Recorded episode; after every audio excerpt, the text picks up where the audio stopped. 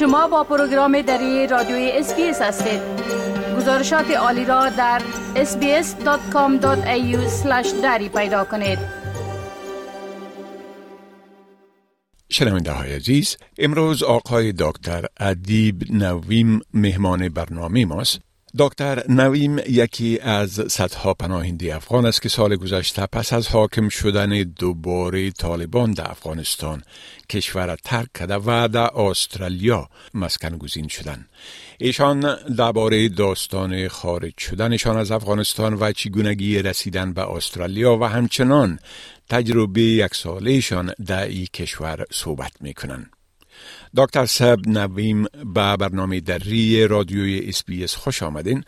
خب اولتر از همه اگر از خود بگوین که قبل از ترک افغانستان چی مسئولیت داشتین و با آمدن طالبا چرا و چی گونه از کشور بیرون شدین تا به استرالیا رسیدین؟ درود و بهر آقای شکیب. امیدوار هستم شما خوب باشین و در عین حال معظمی و سلام و ارائه احترام دارم به تمام شنونده های وزیر شما. قابل ذکر است که مهاجرت یک پدیده اختیاری نه بل اجباری بوده و در عین حال زمانی که ما در افغانستان زندگی می کردیم در یک فضای بسیار خوب و با پر از امید و جوانه بود. اما متاسفانه بعد از سقوط دولت افغانستان به دست گروه طالبا از اینکه ما سابقه کار با نهادهای حامی پیشرفت دموکراسی و در عین حال مردم داری بودیم زندگی رقدبار بر ما رقم خورد. البته این رقم خوردن زندگی رقدبار من می‌تونم تحت عنوان دیگر هم بگم که ما با نهادهای متفاوتی که از جانب کشورهای بین المللی بخصوص دولت استرالیا مورد حمایت قرار می گرفت کار می کردیم ما آخرین موقف را که کار می کردم عبارت از مشاوریت در وزارت معارف جمهوری اسلامی افغانستان گذشته بود. و در عین حال ما یکی از گرداننده های برنامه های سیاسی تلویزیون های متفاوت بودم و مسئولیت اصلی ما تدریس در نهادهای متفاوت بخصوص یکی از نهادهایی که در 20 سال گذشته در خصوص احقاق حقوق خبرنگاران در افغانستان کار کردن که دفتر نی حمایت کننده رسانه های آزاد افغانستان باشه مصروف بودم اینا همش دلیل برزی شد که فضای زندگی در افغانستان کمی سخت و در عین حال که سخت شد. کم مشکل شود بر ای که اداری حکومت طالبان و دنبال جستجوی اشخاص افراد بودند که به طور مستقیم با نهادهای خارجی کار کردند. ما در مدت دو ماهی که زیر حکومت و چتر طالبان زندگی کردیم یک حالت خفقنا و حالت بود که متاسفانه نومیدی و فقان می رسید البته داستان زندگی کردن زیر چتر حکومت طالبان به همه مردم تا الحال هم ثابت شده که متاسفانه روز در روز سختتر است و سی میلیون شهروند ناامید در یک خطیه به نام افغانستان زندگی می کنند که برای از اونا هیچ نوع زمانت وجود نداره که آینده چه خواهد شد. بله. اگر کوتاهی کلام بگویم برای شما به قول استاد رهنورد زریاب مرحوم که دامن این داستان دراز است. اما بعد از دو ماه به کمک نیروهای استرالیایی و هماهنگی وزارت خارجه قطر ما خارج شدیم از افغانستان تا یک پرواز که قطر یرویز انجام داد. آمدیم بر کشور قطر در دوحه به مدت 15 روز ماندیم بعد از 15 روز حضور در اونجا از اینکه شرایط کرونایی و کووید 19 بود.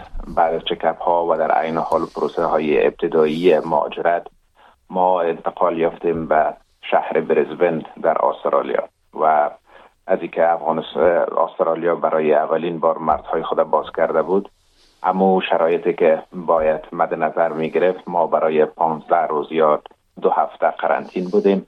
بعدش آمدیم به ملبورن ایالتی که بیشتر مهاجرین افغان در اوج زندگی می‌کنه. و قسمت زیاد از لحاظ مهاجرتی داره بله. خب حال اگر از تجربه تقریبا یک ساله تان در استرالیا بگوین و ایره هم اگر لطف بکنین که در ظرف یک سال به چی مزایای دسترسی داشتین و چی مشکلات را تجربه کردین؟ قابل ذکر می‌دانم که مهاجرت خودش یک پدیدی است که شما را وامی داره بر یک تنوع کلی از اول تا به آخر همه چی تغییر می‌کنه زمانی که شما در یک کشور میرین همه چیز بر شما جدید و قابل ذکر می‌دانم که تمام کسایی را که آمدن این تجربه یکسان داشتن. ما زمانی که وارد کشور شدیم در یک بیابان قرار گرفتیم که چهار دو بغل ما هیچ دیوار نیست. و زمان که آمدیم اولین کار را که من انجام دادم می بود که خواستم به دنبال گرفتن جواز رانندگی خود باشم. چون در این کشورها بدون موتر و یا بدون وسیله نقل شما نمی‌تونید زندگیتان پیش ببرید. و بعدها به دنبال ازی شدم که بتانم جاهایی را پیدا بکنم که خودم مصروف بسازم. چون ترومای مهاجرت همیشه وقت شما را منزوی می‌سازه و در عین حال که منزوی می‌سازه شما را به افکار منفی رو میاره. من به خاطر از که بتانم از این فضا بیرون بیایم من ناگزیر بودم که برم نهادهایی را پیدا بکنم. در مو ابتدا در مدت زمانی که ما در اسکان موقت قرار داشتیم در داخل خود شهر ملبورن. همراه نهادی که ما را حمایت می‌کرد مهاجرین به نام ایمز استرالیا. با اونا در خصوص ترجمانی برای کسایی که در داخل هتل آمده بودن و از افغانستان آمده بودن کمک کردم و آهسته آهسته زمینه مساعد شد که بعضی دوست های و عزیزایی را که در این بخشا کار می‌کنن معرفی شوم و در عین حال کار شروع بکنم آهسته آهسته نهاد دیگه را من پیدا کردم که توسط خود افغان ها بود و امروزه برای افغان ها کار می‌کنه. و افتخارم امروز دارم که من حیث یک مهاجر برای مهاجرین به استثنای افغان ها برای اوکراینیا هم کار می‌کنم.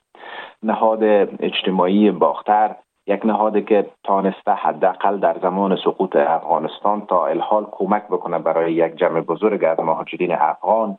کارهای رضاکارانی را که دیگر نهادها و دیگر مردم در مقابل پول می‌کنن اما ما رسالت خود در داخل باختر می‌دانیم که او را برای از این مهاجرین رایگان می‌کنیم مشوره دادن لباس دادن مواد خوراکی دادن برنامه های آموزشی برنامه هایی که دخیل می مردم در فرایند های فرهنگی. همه از اینا دست به دست هم آمده زیر یک چتر به نام انجمن باختر یا نهاد اجتماعی باختر. برای مردم ما همه روزه او را ارائه می کنیم به شکل رایگان. بله. خب چی پلان های برای آینده دارین؟ محترم دکتر ادیب نوین. از اینکه در افغانستان یک عقبی خوب تدریس و آموزش برای یک نسل بزرگ از جهانا ما مسئولیت بر دوش داشتم و این مسئولیت آینده خودم می‌دانم. مهمترین بحث ای است که من بتانم سندهای آموزشی را که از کشور افغانستان و در عین حال مقطعی دکترای ما که در هند بود. در این مورد بازشناسی قرار بتم و بعد از بازشناسی حداقل همین معیارهایی را که دولت استرالیا برای استاد شدن در دانشگاه مورد نظر می‌گیرن اونا را پوره کرده و پس دوباره مسیر تدریس و افتخار استاد شدن در مقابل معسلین و انتقال آموزش پرورش داشته باشد این از جمله ایدئال ترین برنامه های است و برنامه های کوتاه مدت ما عبارت است ایجاد یک نهادی که بتانه زبان گویای مردم افغان باشه که این ما می‌خوایم بر شما یک نوید و بشارت بتم که ما در انجمن باختر به دنبال ایجاد یک رسانی که توسط افغان ها برای افغان ها است هم برآمدیم. بله. خب بسیار تشکر جناب دکتر ادیب نویم از اینکه دعوت ما را برای مصاحبه پذیرفتین. و براتان خوشبختی و موفقیت آرزو می‌کنم. شما مهربانی می‌کنین و زبان گویایی یک نسل خاموش هستین که همیشه وقت به دنبال تغییر و پیشرفت در این کشور و همچنان در کشور اصلیشان افغانستان هستند. خدا نگهدار شما. بپسندید شریک سازید و نظر دهید. اسپیس دری را در فیسبوک تعقیب کنید.